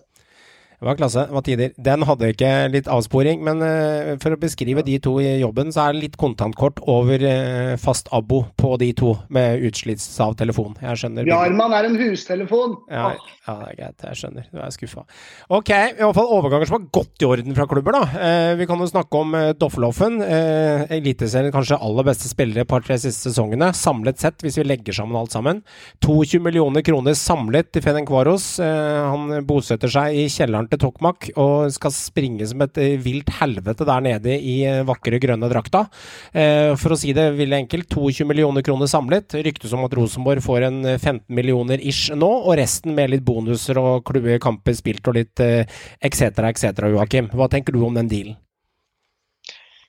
Altså, det er jo det er en fair deal. Det er der midtbanespillere i den posisjonen og av veldig gode midtbanespillere ligger. Mm. Eh, og Rosen er strengt talt ikke i noen posisjon til å kreve noe mer av spillerne sine heller. Da måtte de ligget høyere. Eh, de måtte ha hatt mer penger. Eh, og de måtte spilt, kunne lovt å spille jevnlig på et høyere nivå. da. Så det er fair, og det, altså at Doff fortjener å få prøve seg litt i utlandet. Selv om jeg syns er overganger til Ferencvaros jeg synes det er skikkelig kjedelige drittoverganger. Jeg, jeg syns det er så jalla å dra til liksom Ungarn og Serbia og sånt. Det, det, er, det er ganske døve greier. Men det er klart Det er jo svær Du er, jeg er ikke helt enig. Det er svær Ja, klubb nå, altså. er. De er, de er i Champions League, liksom. Ja, det har vært ja, det er. Champions League. Men det har, det, altså, det Å dra på på Champions liksom League, det er viktig. hårvennen vært for Molde til tider òg, liksom. Altså, det, det er jo en sånn Men ja, det er klart det, det er et hakk opp i forhold til klubb og størrelse, men i ligaen er jo døv. Altså, Ungarsk liga er døvt. Det er ikke spennende. Men igjen, da. Vi har, vi i Norge er ikke satt sånn at vi kan, vi kan ikke forvente å selge spillere til de beste ligaene i, eh, i Europa. Vi, så vi må jo ta hylla rundt oss litt over oss. Det er da vi må legge oss. Og helt fair overgang, det. Jeg håper han gjør det bra. Og jeg håper også at han går videre til en enda litt større klubb og en enda litt større liga. Mm. Vi prata jo om dette. Altså, for meg det er no-brainer for det. stemmer sted mellom 15 og 20 mil selv. Gutten er 27 og eh, ja, han har ikke vært der lenge. Men han har jo vært formspiller fra dag én. Så jeg trodde han allerede skulle bli solgt etter i fjor. Så at han fikk bli i Rosenborg et halvt år til, tenker jeg egentlig er bra. Så tenker jeg at dette her var prestisje for Dushin, for dette er det første reelle salget hans, er det ikke det? Hvor han har fått mer enn knappenåler og Glansbilder. en tuba, liksom. Eller Ja. Synseligans uttrykk, eh, som vi sikkert kommer til å lansere på caps etter sesongen, med logo. Mer enn 4000 og en termos. Ja, men jeg tror han var glad for å innkassere sine første millioner. Ja. Eh, Jeg tror han trengte det, og jeg tror han virkelig trengte å lande den avtalen fort. Så nei, det er riktig å selge. Spørsmålet er hva får min. Fordi Og spørs, og spørsmålet er hva han skal bruke, bruke de penga på. Det er Ja. er det må jo spørsmålet. på spillere. Ja, det må jo det, men hva skal de bruke de penga på nå? Ja, ja. Det, jeg lurer, jeg er spent på hva de henter inn. Altså, Hvis du ser på statsen hans i RBK, da. Du kan si hva du vil om at han er ferdigprodusert og hei og hå, men han leverte jo eh, seks skåringer ene sesongen i Sarp, fire året før med et drøss med assist. Men i Rosenborg i fjor øh, så leverte han tolv, og levert åtte nå på under en halv sesong. Så han har faktisk levert enda bedre i Rosenborg enn det han leverte, eller det han Ja, ja, ja, i. Sarp. Selv om, eh, selv, selv om han eh, sannsynligvis har utvikla seg som spiller og passa som hånd i hanske i Rosenborg. Altså passa han som hånd i hanske i Rosenborg, men Rosenborg er jo kjent på noen ganger ødelegge litt spillere også, med dist min egen klubb, men denne her har de faktisk fått til. Han har scora 20 mål på 41 kamper for Rosenborg. Altså, det, det, er, det er så sinnssyk statistikk, det. Eh, når du begynner å eh, summere opp det. Det eneste jeg kan komme på som har nesten samme statistikkene, hvis du begynner å summere opp litt midtbanespillere, hvis jeg ser med Rosenborg-øyne, det er Boret Dortskal en gang i tiden. Han også hadde noe sånn Han var ekstrem, altså. ja, han hadde noe sånn derre 46 mål på 88 kamper eller noe periode. Det var helt vilt nivå. Så eh, han også var helt galskap. Men det var, er så mye kvalitet i de to spillerne, da, hvis du ser det opp mot hverandre. Det går nesten ikke an å ødelegge dem, vet du, Joakim. Nei, altså, jeg vil si det så enkelt som at eh, sånn rent uh, Dette blir jo bare rent teoretisk. Men hvis uh, Doff hadde gått til Glimt istedenfor Rosenborg, så hadde Glimt slåss om gull òg. Så Ja. enkelt vil jeg si det. Hadde han gått til Glimt, og Glimt fått han før sesongen i år, så hadde Glimt slåss med Molde om gull. Det er jeg helt overbevist om. Ja. Ja, det kan godt hende. Du har rett i det, men du måtte fått den for to år siden, da. For Rosenborg har hatt den nå i, i, eh, i to sesonger der. Eh, Så klart, de måtte jo Ja, fått den litt tidligere. Ja, Som sagt, det er rent teoretisk, for Ja, i fjor hadde de sinker- sinkernagel, så det har jo ingenting, ingenting å si. Det Liksom. er vanskelig å Altså, si, men han hadde jo scora. Det er ikke 20, 20 mål på 40 da. Da hadde det blitt eh, 38 mål på 41 kamper. Nå. Det Ja, ja, galskap. Det har vært helt eh, men, men det blir litt sånn eh, det, det er litt sånn eh, det, Ja, jeg skjønner. Hy- Hypotetisk eller teoretisk. Jeg skjønner. Jeg skjønner. Men vi, jeg syns den dealen er samlet ganske bra. Eh, enig.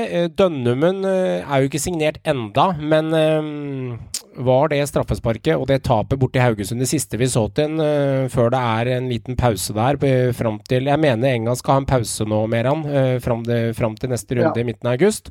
Standalier er ute etter han, eh, hvis jeg uttaler det riktig. Ja. Sier dere sta Ja, standard, Standard Liège, sier dere er- standard Liège, eller sier dere, sier dere standard Liège? Liège. Ok. Han er ferdig.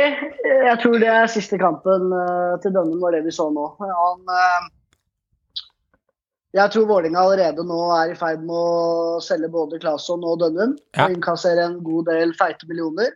Det er deilig, da. Er- Vi unner dem det. Ja, det er deilig. Det, ja, Håvard var inne på det. Håvard trodde, sa jo faktisk at han tror eh, en gang kommer til å selge dem begge to samla opp mot 50. Og han, jeg tror ikke han er far off heller. Jeg tror han treffer ganske så bra. Ja, det tror jeg ikke er langt unna. Så er det deilig at en klubb kan selge spillere uten at de må ty til rike gutta på aksjebørsen som skal Ja. sponse klubben. For ofte så går de til norske investorer, og så skal de ha penger fra Trøim Ja, og ja. sånne ting. Men nå som bare Ja. putter inn 4000 om termos, for det er vekslepenger for dem, eh, og så er Enga happy, men da er de på en måte litt eid av investorene, og de må eh, tilfredsstille dem. Men nå derimot, eh, Jo- Joakim og Meran, så får de jo mulighet til å eh, selge, selge fisken sjæl, og det er jo deilig. Ja, men altså, det, er, du, det er ikke noe tvil om at, at Dønnum går nå i vinduet her. Altså, den Fyren har jo stått ute og sagt han er for god for eliteseriefotball. Han er for god for Vålerenga, er egentlig det han har sagt. Å, Altså, jeg er for han- god! han- Jeg må ha Rolex-klokke! Han skal ha én klokke til, vet du, Meran. Når du, sier, ja, når du sier jeg er for god for Eliteserien og spiller på Enga, så sier du i prinsippet at jeg er for god for å spille på Vålerenga. Ja, ja. Og da, og da selvfølgelig så blir han solgt, og det sier Og han fortjener det, det er helt greit. Selvfølgelig fortjener han det. Og Claesson har vært god lenge for Enga nå, Mm. og han er ung. Han er det. Han Så det. Ja, selvfølgelig. Eh, de må selge, og så må de bare enten ta Fagermo-trikset og få opp noe ungt. Eller så må de handle inn litt uh, forsterkninger. Men uh, den avgjørelsen får Fagermo ta seg av. Men er, er det med rette at jeg er litt skeptisk til Leeds, uh, du som følger litt med på Premier League, Joakim? Fordi at hvis han får stå der fast, så er det jo helt rått. Da blir det hett rundt øra. For han møter jo, møter jo ikke akkurat noe skitlag i Premier League. Det er et annet nivå enn norsk fotball. Men hvis han skal sitte på benken som andre-tredjekeeper og få noen Lia Cup-kamper og spille noen andrelagskamper, er det godt for utviklinga? Bør han egentlig velge en annen klubb, eller bommer jeg her? Nei, altså nå skal jeg ikke si for meg at jeg har ikke kål på de resterende keeperne hos Leeds. Nei. Eh, jeg kan aldri tenke meg at de har henta Claesson for å være fast førstekeeper. Det tror jeg ikke. Nei. Det, det, det tviler jeg på. Men han er ung, Mm. eh, og poenget er det at eh, å komme til en Premier League-klubb som en andrekeeper Ja. Eh, Det er ikke noe gærent i det, for en Premier League-klubb spiller mange kamper. Eh, Det er mye cuper og det er mye kamper, og han kommer til å, de kommer nok til å bruke den. Det er det ikke noe tvil om. Han kommer til å få prøvd seg, og hvis han gjør det bra, så ikke så mye til.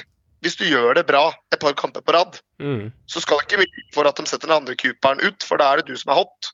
Skjønner. Eh, og den må du jo bare ta. Altså, herregud, det er, det er mye fetere overgang enn å dra til eh, Ferencvaros. Altså, hallo. Du Ja. drar til Leeds. Du drar til en av de mest tradisjonsrike klubbene og største klubbene egentlig i hele England. Ja. Så det selvfølgelig, det er jo en guttedrøm for uh, stort sett alle fotballspillere, vil jeg tro. Siste spilleren jeg husker Leeds, var Gordon Strachan på tidlig 90-tallet, før han ga seg. Så jeg følger ikke så mye med. Men jeg veit at uh, Rekdal er Leeds-fan, blant annet, hvis ikke jeg bommer helt. Og det er ganske mange Leeds-supportere der ute. Ganske stor fanskar i Norge òg. Det, det er vel den Jeg tror det er nest største eller nei, Nei, Liverpool og ManU er størst, fordi de Nei, kniver. jeg, tror- jeg tror det er den tredje største fanklubben i hele Norge. Jeg Ja. tror det, uten å være helt for sikker. Det kan ha endra seg nå, da, med å ha fått Chelsea og City litt opp. Det har sikkert økt fanskaren en god del. Jeg sitter med følelsen av at de som er Leeds-supportere, det sånn eh, Det er en litt sånn eh, voksen mann mellom sånn 55 til 65 år. Med litt sånn eh, grillmage mer han. Og så er han medlem i, med- så han medlem i, eh, i golfklubben på Hamar. Altså, og så har han fulgt med Leeds i alle åra. Og så ser han sånn åtte til tolv kamper i året. Følger ikke med fast hele tiden. Er ikke blodfan. Men han syns det er greit at Leeds er oppe, for det er ordentlig klubb. Det skal Nei, spilles. du uh, mista meg på den der, altså. Jeg følger ikke med på Leeds og supporteren der. Jeg hadde en kompis da som jeg vokste opp med, som var Leeds-supporter. Jeg Ja. syntes det var rart, men uh, jeg tenkte ikke på det. Eh, okay. Han var Vålerenga-supporter også. Det var kanskje ikke så rart. Uten like eh, fornærmelse rart, ja. for noen, så jeg bare sette noen i stereotype. Det var ikke meninga å gjøre det forkleinelse, selv om du smiler til meg, Meran. Nei, jeg ser En, en Leeds-supporter tror jeg er ganske hardbarka supporter. Altså. Ja. Han tror jeg ikke ser åtte kamper i året. Han tror jeg ser, Han ser 48, 48 kamper Ok. ser han i året. Og så er han dritsur når han må på dåp fordi han uh, mista en sønn. Ok. Det, okay. der tror jeg det var litt supporteren. Ok, mulig. Jeg tenker motsatt, men uh, hvem vet? Hvem vet? Uh, Desler har jo vært en spiller som uh, Altså, det er en spiller som leverer bra, altså. Altså, Der snakker vi Tolo, eh, som han skal- til nå. Eh, men en spiller som har levert i flere sesonger for Haugesund, og de kommer til å merke det at han blir borte. Og det er også en spiller som jeg sitter og føler seg kanskje er litt sånn underprata i norsk sammenheng. Sjelden stiller er med på intervjuer, det er sjelden store overskrifter om han, Joakim. Men han leverer alltid greit, alltid bra, og er sjelden skada. Ja, da mister jeg min go to-person på backrekka på fancy. Okay, ja. Som jeg bare kan. Jeg tror på fancy på at eh, Haugesund skal vinne en kamp. Mm. Så det er litt trist. Men Dessler Desler har vært god og stabilt god lenge. Eh, og det er vel også en sånn spiller som det er, Ja, det er veldig fortjent, liksom. Ta, få komme deg ut litt. Eh, Oppleve profflivet litt. Eh, det er eh, fullt fortjent. Og Toulouse, Frankrike Kall det, altså, samme, det er litt samme om klubben er høyt eller lavt. altså Du får jo oppleve et helt annet land og kultur. da. Mm. Eh, Så den ser jeg. Det, han skal kose seg på nede på Rivieraen et par helger han, i løpet av de neste årene, tenker jeg.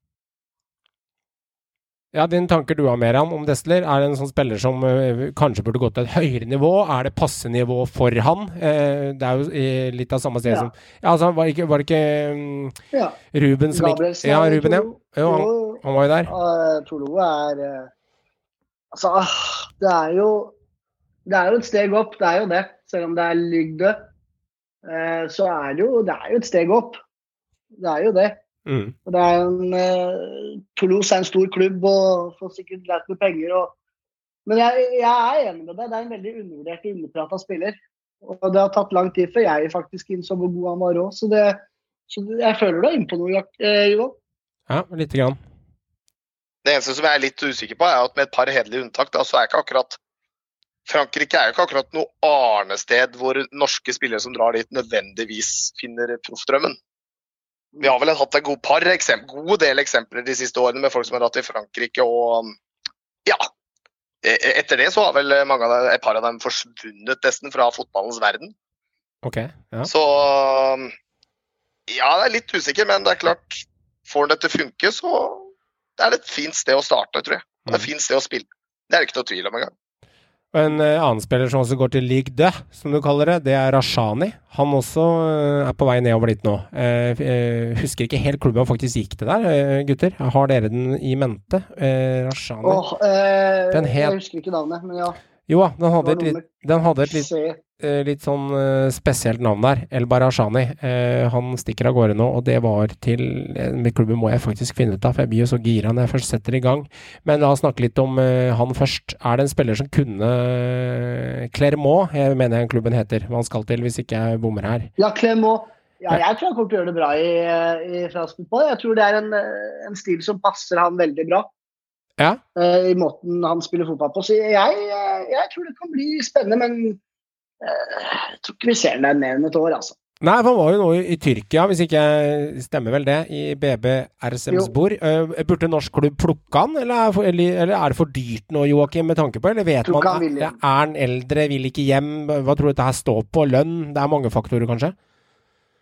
Altså, Lønn er jo én ting, og så er det jo ja, men det er jo litt i det òg. Altså, du- han er nok nå Begynner jo å nærme seg litt den der alderen hvor det er litt sånn ja, Det er litt sånn vinn eller forsvinn, da.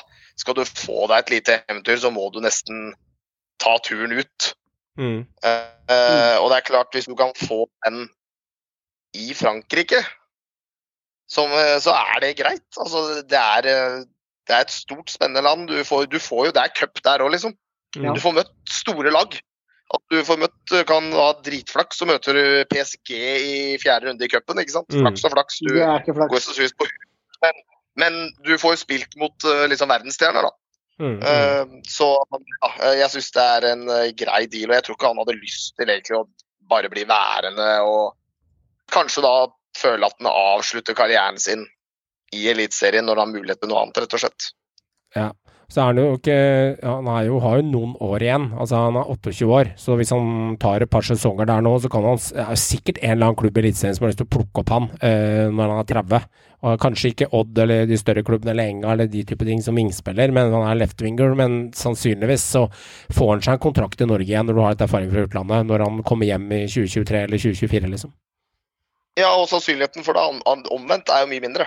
At han er her i to-tre sesonger så at han da skal kunne komme seg ut. Altså, Da, da er han for gammel.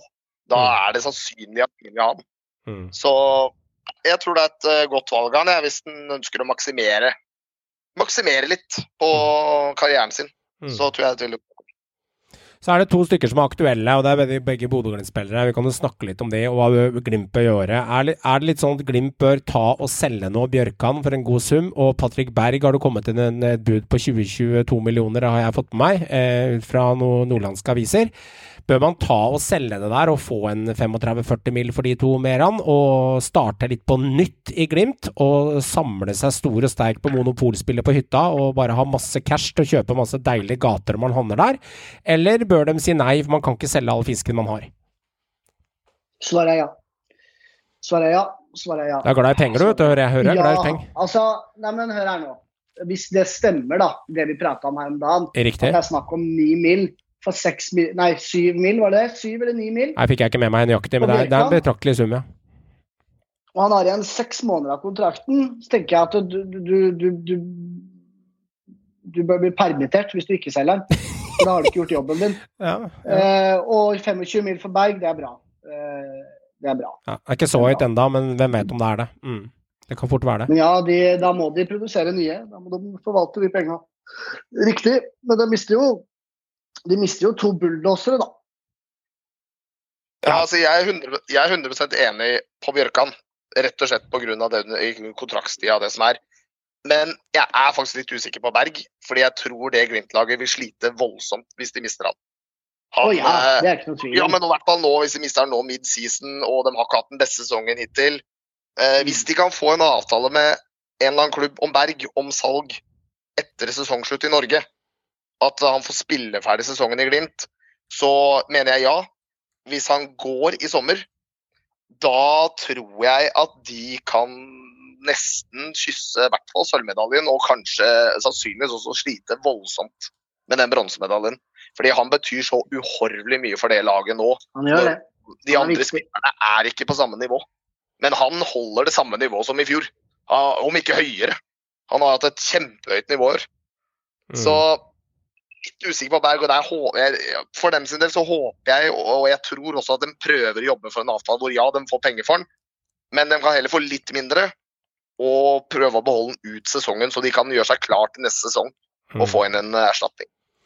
Han signerte jo ny kontrakt med Bodø-Glimt uh, i 2019, så Bodø-Glimt er jo god på å plukke Det er jo vel to år siden, om et par måneder.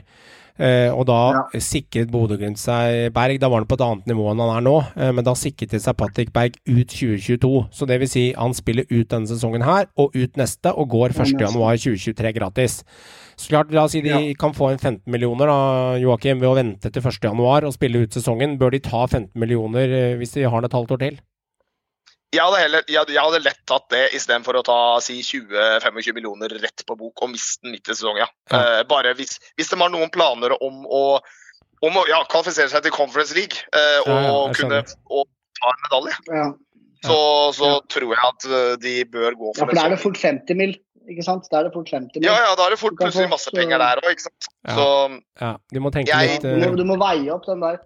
Det er litt, litt kost-nytte over det der. Det er lite grann. Det er, det er jo en av de beste, eh, beste sjokoladene i Twist-skåla. Eh, Patrick Berg, hvis du måler det bildemessig med han. Så du, det er ikke den toffien som ligger igjen i bånn, som ikke unga vil ha vet når du har, når du har, når du har spretta Twist-posen. Det er ikke det Patrick Berg er. Det det er, bananen. Den er god, det er ikke noe Koblenko, dette her. Dette her er Patrick Berg, tross alt. Eh, men klart, hvis de mister Berg, da, og hvis de mister eh, Bjørkan, og hvis de ikke klarer å Saltnes på ett år eldre, vi snakker litt om Glimt, da, og de mister litt spillere altså, Snakker vi at Bodø-Glimt kan begynne å havne, og- så mister de kanskje Knutsen?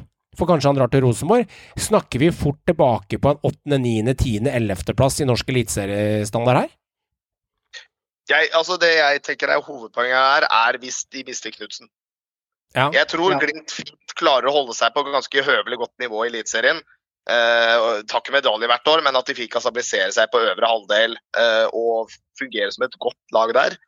Men eh, hvis de mister alle disse spillerne og Knutsen innenfor kort tid, så mister de jo alle bærebjelkene i hele laget som har kommet så langt opp. Så dette må gjøres over tid, og der har Glimt vist seg som tøffe forhandlere før. Og vist at de skjønner dette før. Mm. Hadde jo Junker dagene sist. altså de, de har vist at de kan være tunge i forhandlinger. Ja. De legger seg ikke bare på rygg. Uh, så jeg tror nok at de har en plan for det meste. Og jeg tipper også at eh, de har en plan for eh, trener. Det tror jeg de har. De har en plan der for at eh, de skal ikke bare slippe den for alt og ingenting. Ikke sant. Ja, det blir spennende, men eh, det er litt sånn eh, det, det er litt sånn to stier å velge nå for Bodø-Glimt, uh, Meran. Med enten skal de sitte på Mm. det de har og si nei til mye cash, og få Knutsen med videre, for han kommer til å bli hauka fra folk litt lenger sør. Jeg tror Rosenborg kommer til å være veldig på han. Det ligger litt i korta. Det lukter alle som følger med på norsk fotball, at Rosenborg ligger som en gjedda i sivet her på Knutsen. Og så sitter jeg med følelsen at sier de nei til alt, så kan de fortsette å bygge, men da mister de en god del kapital og cash, da. Eh, som også er et fundament for å bygge klubb med. Ja. Og det er jeg helt enig i. Det er jeg helt enig i. Og det er der jeg er veldig svart-hvitt. fordi For meg er det penga rår. Jeg hadde høsta. Jeg hadde høsta for suksessen fra i fjor. Jeg hadde tjent de pengene. ja, jeg ser Men har de ikke allerede høsta en del fra suksessen i fjor? Og for, altså, har de, Jo, de har jo hatt mer, men åkeren er svær. Ja. Jo, den er svær.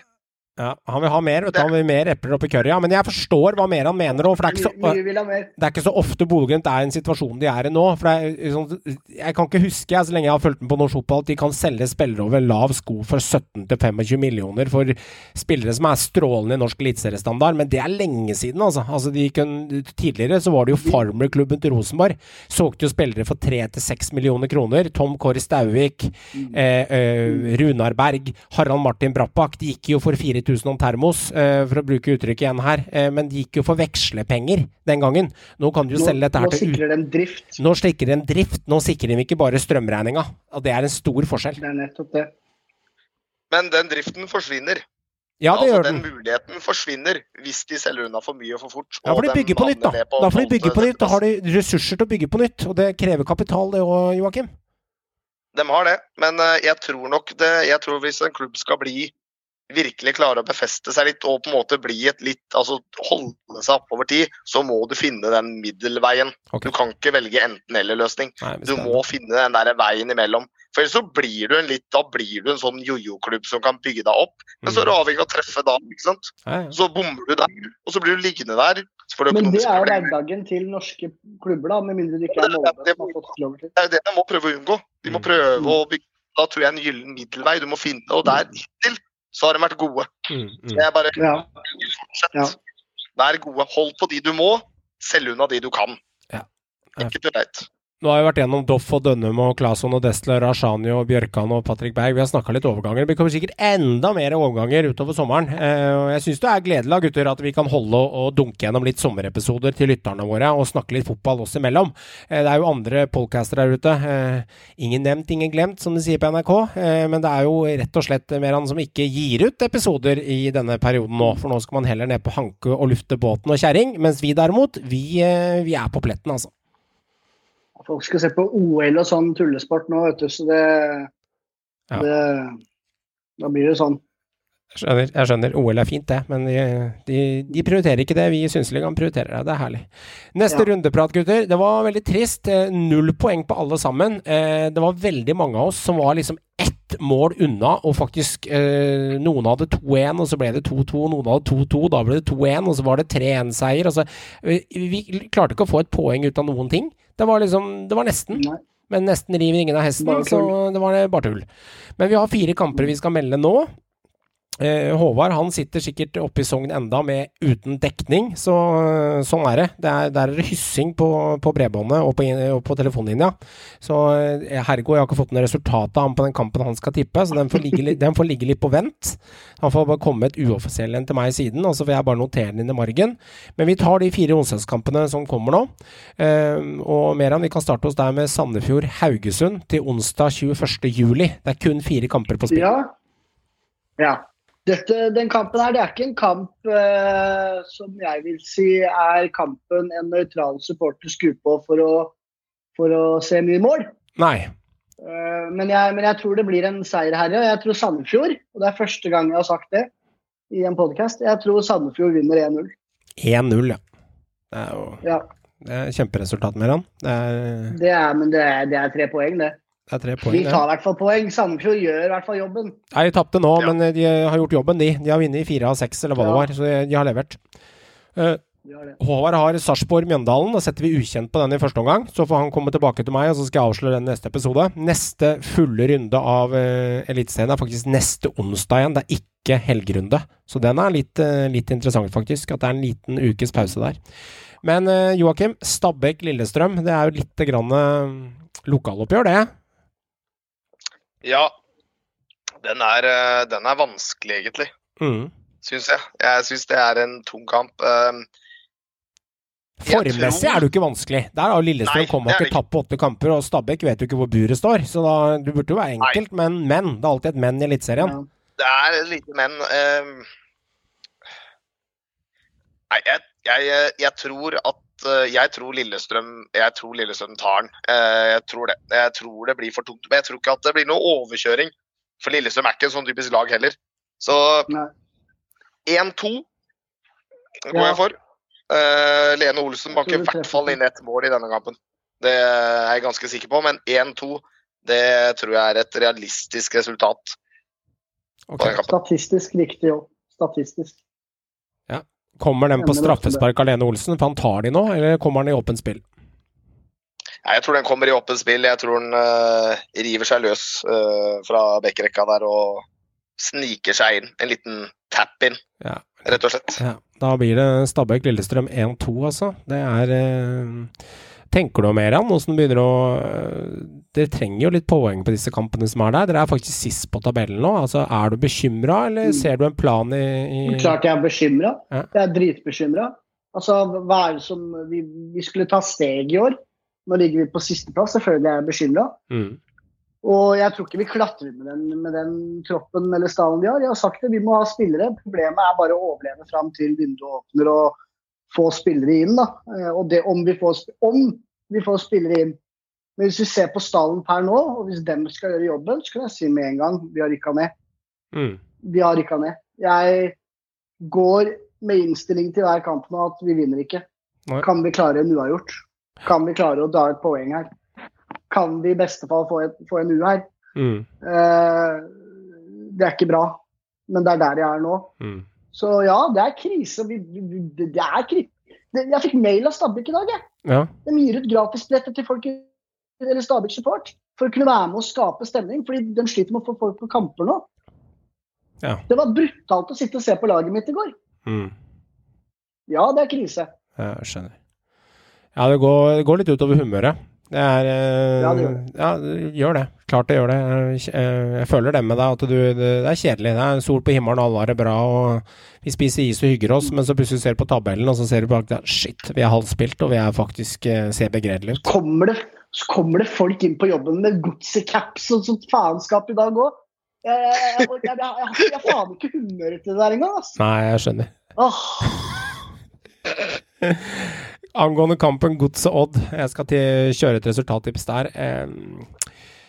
Ja, det er vanskelig. Jeg syns Godset ser veldig bra ut på hjemmebane, faktisk. Eh, de er bra på Marienlyst. Det er litt sånn mini eh, Jeg skal ikke si det for høyt, ikke at Godset blir høye og mørke med den eh, marineblå drakta si, men det er litt mini 2013 i en light versjon over det Strømsgods leverer hjemme, med den selvtilliten de har.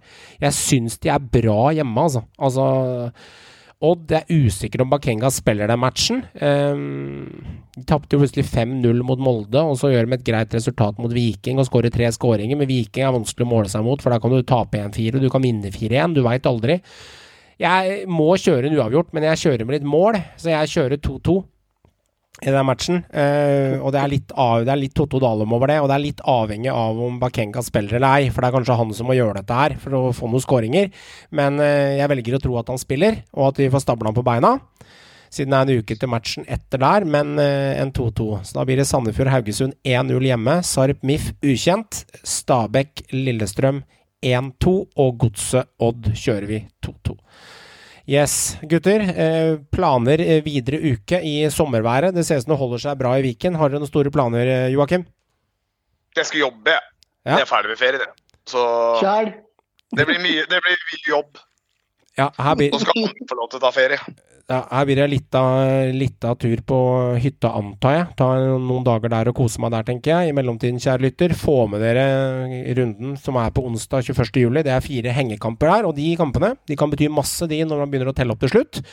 Og Så er vi tilbake igjen sannsynligvis eh, neste uke, hvis ikke noe helt mirakuløst merkelig skjer. Takk til eh, Eurosport for bruk av lydklipp i denne episoden, og til Discovery Pluss og Dplay for å gå inn for å se hvordan du får tilgang til hele Eliteserien der du er, på TV eller iPhone eller telefon. Kos deg masse, ha en glimrende uke. Vi snakkes. Så er det Håkon Evjen som veier ned i vinkelen! Etter over 100 minutter! Han kommer til å bli større enn Jesus på Sørlandet etter dette!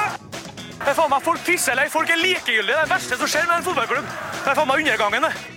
Og det er han som omtrent aldri